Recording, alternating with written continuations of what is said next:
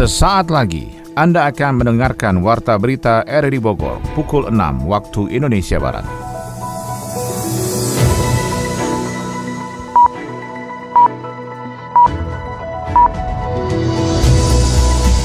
Selamat pagi dan salam jumpa. Kembali kami hadir dalam Warta Berita edisi hari ini, Kamis 18 November 2021. Siaran ini bisa Anda dengarkan melalui audio streaming pada aplikasi RRD Play di perangkat smartphone Anda dan turut disiarkan Radio Tegar Beriman, Kabupaten Bogor. Berikut kami sampaikan berita utama.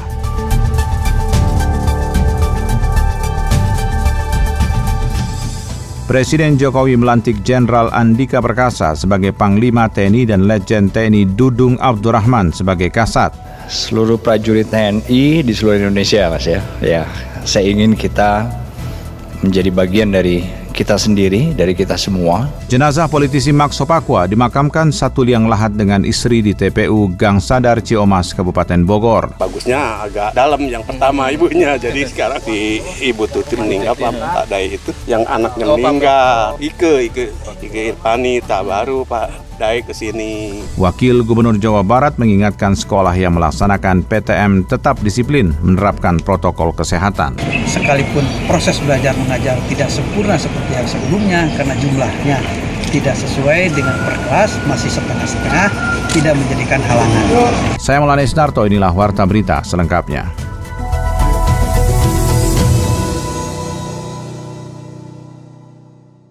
Presiden Joko Widodo melantik Jenderal TNI Andika Perkasa sebagai Panglima TNI di Istana Negara. Selesai dilantik, Panglima TNI Andika Perkasa mengatakan akan menjalankan tugas dengan baik atas amanah yang telah diberikan Presiden Joko Widodo kepadanya. Laporan disampaikan Pradipta Rahadi. Pengambilan sumpah jabatan Panglima Tentara Nasional Pengucapan sumpah sebagai Panglima Tentara Nasional Indonesia telah diucapkan Jenderal TNI Andika Perkasa saat dilantik oleh Presiden Joko Widodo. Pelantikan Andika sebagai Panglima TNI dilaksanakan berdasarkan keputusan Presiden nomor 106 garis miring TNI garis miring tahun 2021 terkait pemberhentian dan pengangkatan Panglima TNI. Apakah saudara beragama Islam? Apakah saudara bersedia saya ambil sumpah? Saya dilantik oleh Presiden Jokowi, Andika pun menyampaikan bahwa penunjukan dan pelantikan dirinya sebagai Panglima TNI menjadi suatu kehormatan bagi dirinya dan keluarga atas pelantikan pada hari ini. Andika pun mengatakan bahwa dirinya akan melanjutkan program yang sudah ada dan akan tetap menjalankan tugas dengan sebaik-baiknya. Program kerja kita akan melanjutkan secara umum karena memang kita kan sudah dibatasi ruang ruang di mana tugas-tugas kita itu sudah juga dicantumkan dalam Undang-Undang Nomor 34 Tahun 2004. Jadi saya akan terus, tetapi memang detailnya saja dari tiap-tiap tugas itu yang sedikit perlu evaluasi dan perbaikan sana sini. Um, ada, tapi ya itu untuk saya dengan keluarga saya. Tapi intinya saya akan melaksanakan tugas sebaik-baiknya. Mantan Kasat itu pun mengajak kepada seluruh prajurit TNI di seluruh wilayah untuk tetap menjadi bagian utuh dari bangsa Indonesia.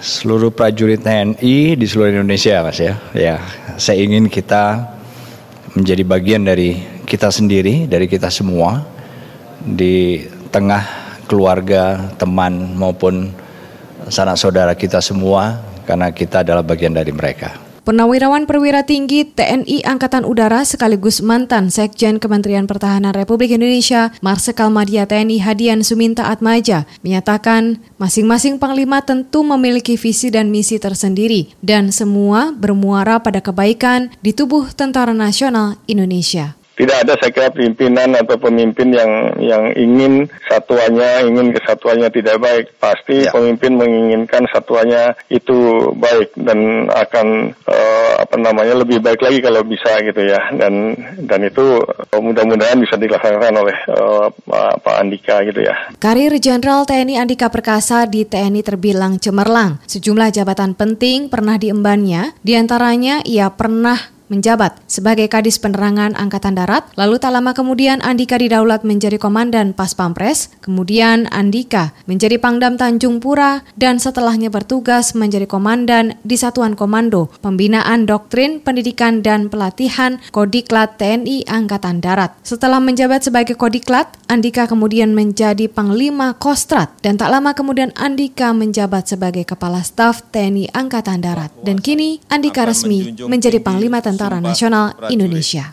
Berita acara kepada Jenderal TNI Andika Perkasa Mohon menuju meja penandatanganan. Di kesempatan yang sama, Presiden Jokowi juga melantik Letnan Jenderal TNI Dudung Abdurrahman sebagai Kepala Staf Angkatan Darat Kasat menggantikan Jenderal TNI Andika Perkasa yang telah resmi menjadi Panglima TNI. Pengangkatan Dudung berdasarkan keputusan Presiden nomor 107 garis miring TNI garis miring 2021 tentang pemberhentian dan pengangkatan Kepala Staf Angkatan Darat. Presiden juga mengeluarkan keputusan Presiden nomor 108 garing TNI dan garing tahun 2021 2021 tentang kenaikan pangkat dalam golongan perwira tinggi TNI yang menaikkan pangkat Dudung sebanyak satu tingkat lebih tinggi dari Letnan Jenderal menjadi Jenderal. Dudung yang merupakan lulusan Akademi Militer 1988 dari kecabangan infanteri sebelumnya menjabat sebagai Pangkostrat setelah menjadi Pangdam Jaya pada tahun 2020-2021 dan Gubernur Akademi Militer pada 2018 hingga 2020. Dudung mulai dikenal ketika dia mendirikan patung Soekarno di Akademi Militer Magelang, Jawa Tengah yang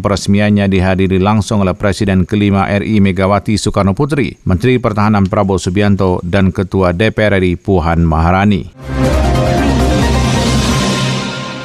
Politisi senior Partai Demokrat Maxo Pakua tutup usia setelah sempat menjalani perawatan di RSPAD Gatot Subroto, Jakarta. Laporan Sony Agung Saputra. Politisi senior Partai Demokrat yang juga wartawan senior olahraga TVRI Maxo Pakua meninggal dunia di usia 75 tahun. Almarhum Maxo Pakua sempat menjalani perawatan di RSPAD Gatot Subroto, Jakarta, Rabu dini hari sekitar pukul 05.53 waktu Indonesia bagian Barat karena menderita penyakit kanker paru-paru dengan stadium lanjut. Putra almarhum Makso Pakua, Vero Sopakua menjelaskan ayahnya sempat mendapat perawatan sekitar dua minggu di Rumah Sakit RSPAD Gatot Subroto, namun nyawanya tidak tertolong karena penyakit yang diderita sudah memasuki stadium lanjut. Saat menghembuskan nafas terakhir, keluarga sempat menghubungi Ketua Umum Partai Demokrat Agus Harimurti Yudhoyono dan mantan Presiden Susilo Bambang Yudhoyono yang menyatakan siap memfasilitasi seluruh keperluan pemakaman politisi Demokrat tersebut. Keluarga juga meminta maaf kepada seluruh masyarakat Indonesia jika almarhum mempunyai kesalahan selama hidupnya. Karirnya dari uh, wartawan olahraga,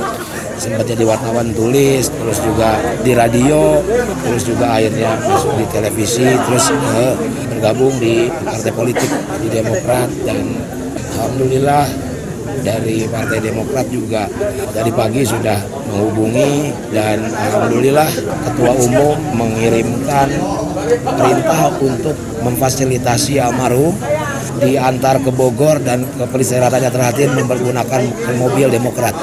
Jadi alhamdulillah semuanya sudah bagi kami sesuatu yang sangat luar biasa dan penghargaan bagi kami terima kasih kepada Pak Ketua Umum dan juga setelah jajaran dan juga Pak SBY karena terakhir pesan beliau adalah waktu masih bisa komunikasi adalah mohon dimohonkan kami bisa menyampaikan maaf sebesar-besarnya ke semua orang yang pernah merasa tersakiti atau terjolimi oleh beliau baik sengaja ataupun tidak disengaja gitu. Jadi dalam saat kesempatan ini dari hati yang paling dalam mewakili almarhum saya Vero Sopakua mewakili ayah saya Sopakua memohonkan maaf setinggi-tingginya kepada siapa pun yang merasa memang pernah merasa kurang pas baik dari tutur kata maupun perbuatan ayah saya. Mohon dimaafkan. Rasa duka cita juga datang dari kolega almarhum Makso Pakua yang juga mantan wakil wali kota Bogor Usmar Hariman yang mempunyai banyak kenangan. Menurutnya, almarhum merupakan sosok yang lugas dan orator yang ulung dalam menjalankan roda kepartaian dan pengabdian diri kepada masyarakat. Dia memang orator canggih ya.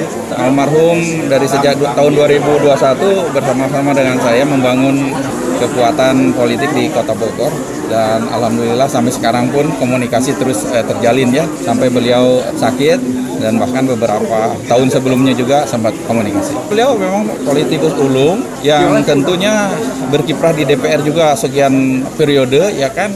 Tentunya masyarakat khususnya yang pada saat itu mewakilkan ke beliau itu sangat pasti sangat berkesan ya. Selama hidupnya Makso Pakua pernah menjadi anggota DPR RI dua periode 2004-2009 dan 2009-2014 dengan menempati Komisi 9 dan Komisi 1 Perwakilan dari Partai Demokrat. Selain itu, Makso Pakua juga berkiprah menjadi wartawan olahraga TVRI dan sejumlah media lainnya, baik cetak ataupun radio. Makso Pakua dimakamkan satu liang lahat dengan istri di tempat pemakaman umum Gang Sadar RT 3 RW 8 Desa Ciomas Rahayu, Kecamatan Ciomas, Kabupaten Bogor. Laporan disampaikan Yofri Haryadi.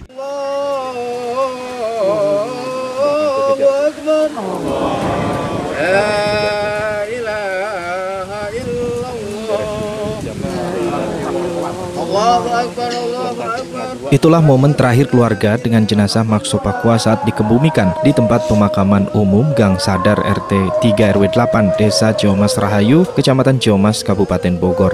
Jenazah almarhum dikebumikan bersama satu liang lahat dengan jenazah sang istri Tuti Irawati yang berendeng dengan makam anak keduanya, Ike Irfani Sopakua. Penggali makam dan juru pelihara makam Amir Hamzah mengatakan keluarga besar almarhum Makso Pakua, istri dan anaknya dimakamkan di komplek pemakaman umum tersebut. Dia kan tadi datang jam kalau nggak salah jam 6 Mhm. jam 6 pagi-pagi. Pak Pak Dae itu Pak Dae tahu saudara-saudaranya kan. Terus ke sini minta di satuin. Iya boleh satu. Nah, hancurin nih gitu. Udah dihancurin kira-kira berapa jam? Ya satu jam dua jam beres. Beres, Cek ya. bentar di sini mah nggak batu-batu batu gede gitu. Bagusnya agak dalam yang pertama ibunya. Jadi sekarang di Ibu Tuti meninggal Pak Dae itu yang anaknya Oh, meninggal. Ike Ike Ike Irfani tak baru Pak Dae ke sini. Menurut Nurul, warga di sekitar komplek makam almarhum istri Makso Pakua adalah warga asli Ciomas 2 yang jaraknya berada di seberang jalan utama Ciomas Bogor. Sementara keluarga Makso Pakua tinggal di Gang Kepatihan, Panaragan, Kota Bogor. Isinya di situ. Isikannya istrinya kan orang Ciomas 2. Orang Ciomas dua istrinya. Digabung kali ya. Tapi lu pernah tinggal di sini ya? Di sana Ciomas 2. Istrinya, Istrinya. istrinya. Pak Sopakua mah di itu kan di Panaragan, Kepatihan. Kalau istrinya dulu di sini, orang sini, orang Pitu Ledeng, Ciomas 2. Tapi pada kenal waktu Pak Max jadi anggota dewan Tahu, gitu. Tahu pada tahu ya. tahu. Karena dia juga pernah wartawan kan dulunya ya, terus Mm-mm. jadi, Jadi reporter TVRI, ha, ha, TVRI olahraga. bola ya. Suasana duka keluarga besar Sopacua itu pun tampak histeris setelah jenazah di liang lahat itu diuruk dengan tanah. Ustadz Ujang membacakan solawat dan doa tahlil dan ditutup dengan pernyataan anak sulung Max Sopacua, Vero Sopacua.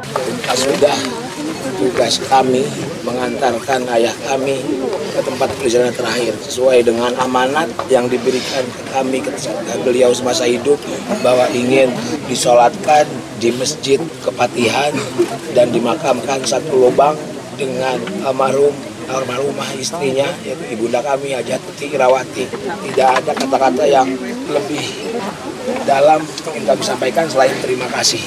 Apabila semasa hidupnya almarhum pernah berbuat salah atau menyinggung perasaan baik secara sengaja maupun tidak kami dari pihak keluarga dengan segala kerendahan hati memohonkan dimurahkan pintu maaf yang sebesar-besarnya. Amin.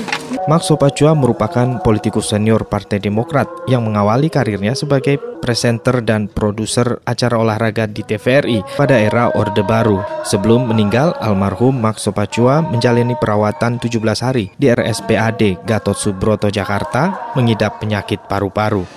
Siska! Eh, Dewi, lagi belanja juga? Iya nih, kan lagi pandemi kayak sekarang kan kita harus lebih ekstra jaga imun. Makanya belanja buah sama sayur buat keperluan di rumah.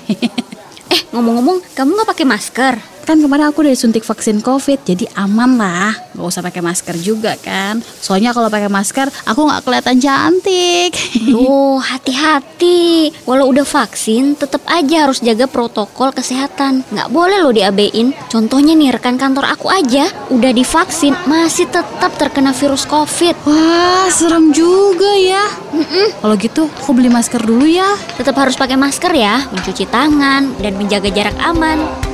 Vaksin bukan obat untuk menyembuhkan COVID-19. Untuk itu, tetap patuhi protokol kesehatan, memakai masker, menjaga jarak, mencuci tangan, menjauhi kerumunan, dan mengurangi mobilitas.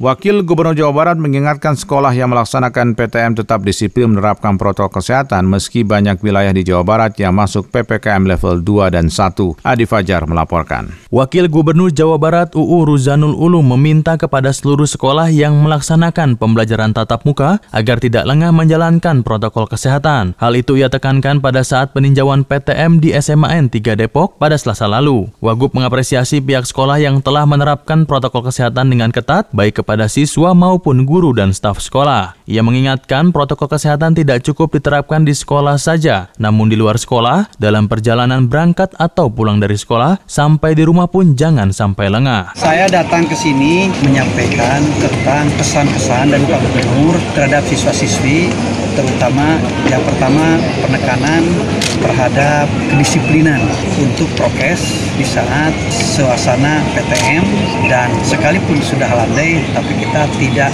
bisa melepaskan tentang protokol kesehatan tersebut. Meskipun pembelajaran sudah mulai tatap muka, namun belum sepenuhnya normal seperti sebelum adanya pandemi. UU meminta kepada seluruh siswa untuk tetap fokus belajar demi meraih cita-cita masa depan. Dan juga minta kepada siswa-siswi untuk tetap belajar dengan baik, sekalipun proses belajar mengajar tidak sempurna seperti yang sebelumnya karena jumlahnya tidak sesuai dengan per kelas, masih setengah-setengah, tidak menjadikan halangan. Dalam peninjauannya, Wagub Jabar UU juga memberi arahan kepada Musyawarah Kerja Kepala Sekolah atau MKKS, SMA, SMK, SLB, dan pengawas sekolah sekota Depok. Ia menegaskan pentingnya membangun kolaborasi dalam membangun generasi penerus yang berkarakter dan berdaya saing tinggi. Polresta Bogor Kota menggelar operasi Zebra Lodaya 2021 dengan melakukan razia besar-besaran dan pembagian sembako kepada masyarakat. Laporan disampaikan Adi Fajar Nugraha. Operasi Zebra Lodaya 2021 di wilayah Kota Bogor digelar tidak seperti biasanya. Polresta Bogor Kota kali ini melakukan kegiatan yang bersifat preventif dan sosial. Kasat Lantas Polresta Bogor Kota AKP Gali Apria menjelaskan, dalam operasi kali ini pihaknya melakukan pembagian sembako kepada masyarakat, khususnya bagi mereka yang membutuhkan. Hal ini juga menjadi upaya jajaran Polresta Bogor Kota dalam membantu masyarakat di masa pandemi COVID-19 saat ini. Atas arahan pimpinan, saat ini kita lebih menekankan kepada giat preemptif dan giat sosial. Jadi pembagian-pembagian sembako di titik-titik area-area yang tidak tersentuh juga para pengguna jalan baik para tukang ojek, tukang beca dan sebagainya penjual jual-jual makanan yang menggunakan jalan itu yang kita prioritaskan untuk mendapatkan sembako. Gali mengatakan dalam hal penindakan pelanggaran pada operasi Zebra Lodaya kali ini, pihaknya akan melakukan tindakan bersifat teguran kepada pelanggar. Namun jika ditemukan pelanggaran secara kasat mata seperti tidak memakai helm, tetap akan ditindak. Sesuai dengan amanat dan perintah dari pimpinan bahwa selama pelaksanaan operasi Zebra tidak ada penilangan.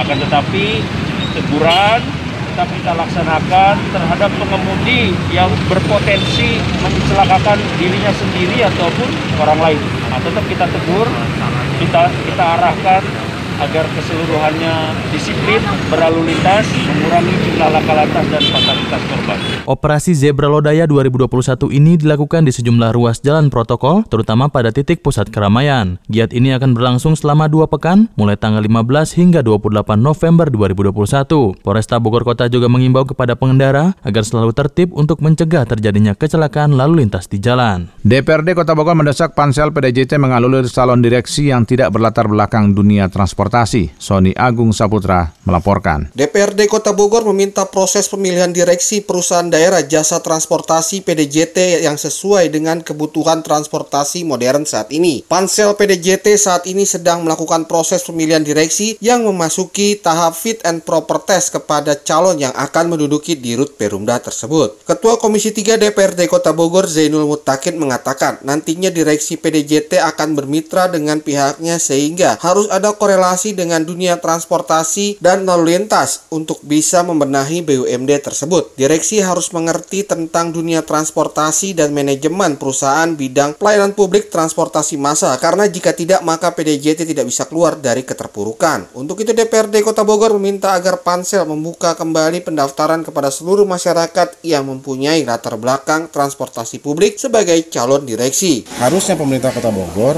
belajar dari pengalaman masa lalu di mana pengelolaan perusahaan transportasi ini sangat kompleks, tidak sesederhana yang lain.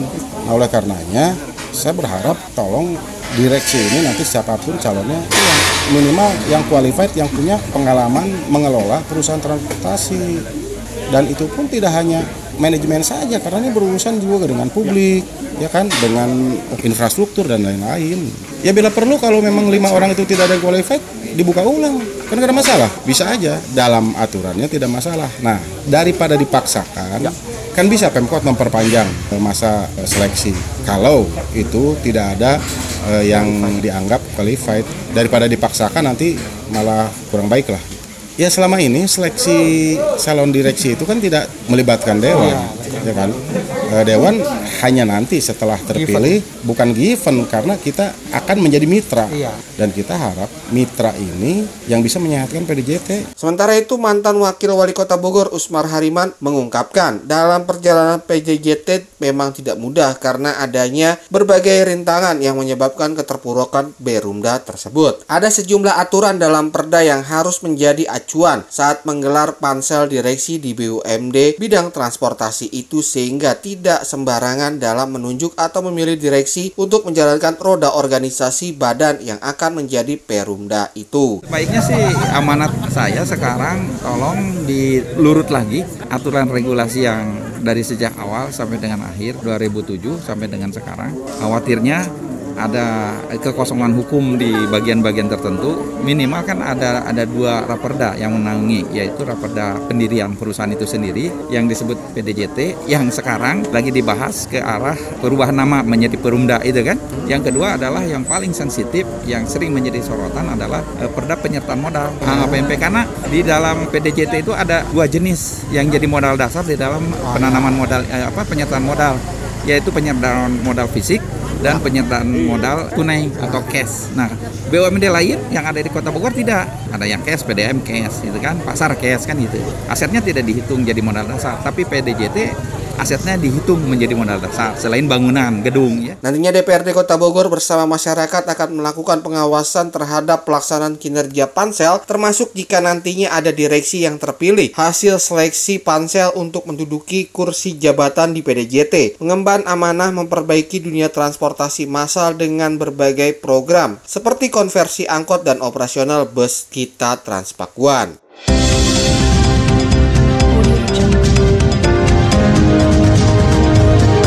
Anda tengah mendengarkan Warta Berita RRI Bogor.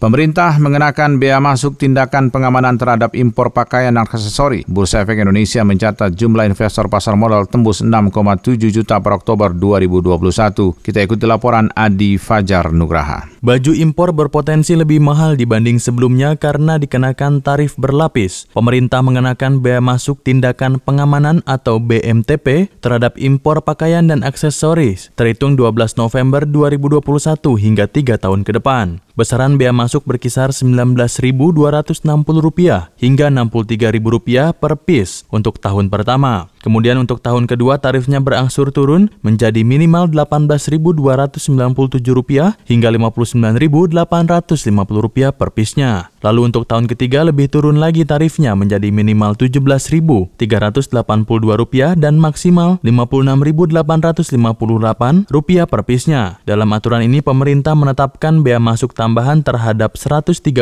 pos tarif produk pakaian dan aksesoris pakaian. Jenis produk yang dikenakan yakni segmen atau atasan kasual, atasan formal, bawahan, setelan, ensemble, gaun, outwear, pakaian dan aksesoris pakaian bayi, headwear, dan neckwear. Pengenaan BMTP pakaian dan aksesori berlaku untuk semua negara, kecuali untuk segmen headwear dan neckwear sebanyak 8 pos tarif yang diproduksi dari 122 negara. Direktorat Jenderal Bea dan Cukai, Kementerian Keuangan mengatakan aturan ini ditetapkan dengan tujuan untuk melindungi industri lokal dari gempuran pakaian impor. Berdasarkan laporan Komite Pengamanan Perdagangan Indonesia, impor produk pakaian dan aksesori pakaian melonjak hingga mengancam industri dalam negeri. Bursa Efek Indonesia BEI mencatat jumlah investor pasar modal tembus 6,7 juta per Oktober 2021. Angkanya tumbuh tujuh setengah kali lipat sejak 2016 lalu. Direktur Utama BEI, Inarno Jayadi mengatakan kenaikan investor pasar modal seiring dengan peningkatan investor saham menjadi 3 juta. Peningkatan ini turut diikuti dengan jumlah investor yang aktif bertransaksi. Terdapat peningkatan 111 menjadi 200 ribu investor aktif setiap harinya. Sementara ia mengklaim investor saham retail juga terus meningkat sejak 2020 lalu, porsinya sebesar 14% dari total investor saham. Bahkan sambung Inarno, porsi transaksi investor retail mendominasi pada tahun ini. Jumlahnya 57% dari total transaksi saham di BEI. Tak hanya investor, Inarno mengatakan jumlah perusahaan yang melakukan penawaran umum saham perdana atau Initial Public Offering IPO juga terus meningkat. Tercatat 40 perusahaan melantai di bursa hingga 12 November 2021. Sementara terdapat 29 perusahaan yang akan melakukan IPO dan sudah masuk dalam pipeline BEI. Menurut Inarno, puluhan perusahaan itu maksimal IPO pada awal 2022 mendatang. Pertumbuhan positif ini telah mengantarkan jumlah perusahaan di bursa mencapai 752 perusahaan.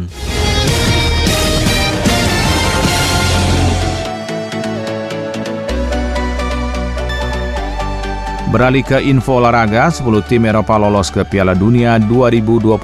12 lainnya akan play-off dan dua atlet putri binaan Federasi Panjat Tebing Indonesia Kota Bogor Maita Sitorus dan Neila Ayu Putri mengurungkan niat mengikuti kejuaraan nasional panjat tebing Youth AB di Aceh pada 18 hingga 25 November 2021. Berikut kita ikuti Ermelinda.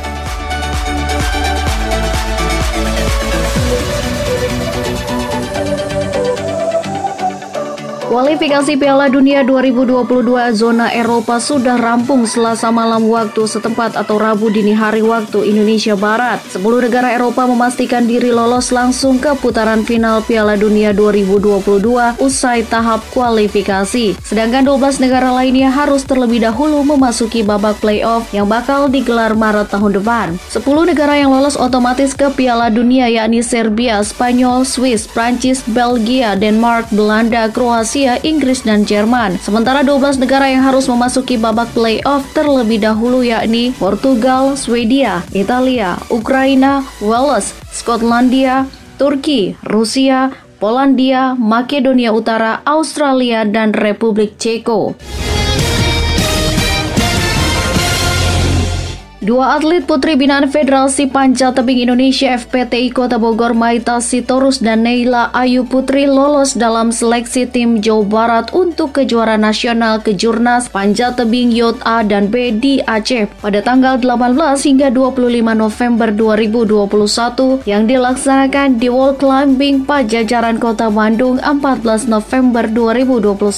Namun kedua climber tersebut mengurungkan niatnya ikut kejurnas. Hal tersebut dikatakan dikatakan pelatih panjat tebing kota Bogor Siti Robiah karena kedua atlet lebih mengutamakan babak kualifikasi Pekan Olahraga Provinsi BK Porprov ke-14 Jawa Barat 2022 yang akan digelar 27 November sampai 4 Desember 2021 di Wall Climbing Cikole Lembang Kabupaten Bandung Barat daripada kejurnas di Aceh. Kejurnas juniornya itu tanggal 18 sampai tanggal 25 November. Sementara BK Porda itu tanggal tanggal 27 November. Makanya kalau misalkan kita ikut ke kejurnas junior, takutnya pas BK-nya mereka kelelahan. Jadi kita kan untuk BK itu kita harus ngambil nomor sebanyak-banyaknya, lolos nomor. Apalagi kan di Kota Bogor pengennya yang lolos itu hanya tiga besar gitu, yang lolos ke Porda nanti. Makanya kita lebih fokus ke PK Pordanya daripada ke Jurnas Acehnya gitu. Obi berharap kepada semua atletnya untuk fokus persiapan diri dalam meraih tiket lolos sebanyak-banyaknya dari semua nomor yang dipertandingkan pada cabang olahraga panjat tebing Porprov 2022. Ini merupakan bukti dari keseriusan FPTI Kota Bogor bersama atlet untuk meraih prestasi emas di ajang Porprov 2022. Sementara itu, lima pembalap Kabupaten Bogor akan berjuang dalam babak kualifikasi Pekan Olahraga Provinsi ke-14 di Tasikmalaya 2022 nanti. Kelima pembalap ini sudah berangkat menuju sirkuit Bukit Besar yang berada di kawasan Cipawitra, Mangkubumi, Tasikmalaya pada Senin lalu. Sekretaris Umum IMI Korwil Kabupaten Bogor Dudi Mulyadi mengatakan, saat ini para atletnya sedang berlatih dan untuk mencapai hasil yang terbaik dalam babak kualifikasi ini, para rider dan mekanik sengaja berangkat lebih awal untuk menjajal sirkuit Bukit Besar. Dudi juga menjelaskan rangkaian kegiatan yang akan berlangsung selama berada di Tasikmalaya. Kegiatannya itu dimulai dari hari Jumat sampai Minggu. Hari Jumat itu nanti ada technical meeting dan pemeriksaan scrutineering, pemeriksaan kendaraan. Jadi kendaraan itu nanti akan dikarantina. Nah, untuk hari Sabtunya ada latihan resmi dan kualifikasi. Hari Minggunya race untuk meloloskan ke babak Porda Jabar 14 2022. Kelima pembalap IMI Korwil Kabupaten Bogor tersebut di antaranya Wawan Welo dan M. Abdul Aziz yang akan beraksi di kategori 150 cc perorangan dan 150 cc beregu untuk usia di atas 17 tahun. Kemudian pembalap muda berbakat Felix Putra Mulia, Sandy Ape dan Angga Ramadan akan beraksi di kategori 150 cc perorangan dan beregu untuk usia di bawah 17 tahun. Dudi menyampaikan jika karakter sirkuit Bukit Besar yang memiliki panjang 1.300 meter dengan 13 tikungan, di antaranya 7 tikungan kanan dan 6 tikungan kiri, bukan persoalan mudah bagi para pembalap muda IMI Kabupaten Bogor.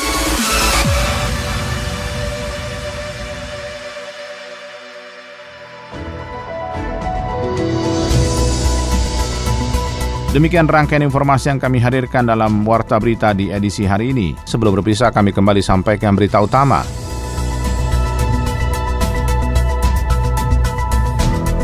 Presiden Jokowi melantik Jenderal Andika Perkasa sebagai Panglima TNI dan Letjen TNI Dudung Abdurrahman sebagai Kasat. Jenazah politisi Max Sopakwa dimakamkan satu liang lahat dengan istri di TPU Gang Sadar Ciomas, Kabupaten Bogor. Wakil Gubernur Jawa Barat mengingatkan sekolah yang melaksanakan PTM tetap disiplin menerapkan protokol kesehatan. Mewakili kerabat kerja bertugas, saya Maulana Estato mengucapkan terima kasih. Selamat pagi.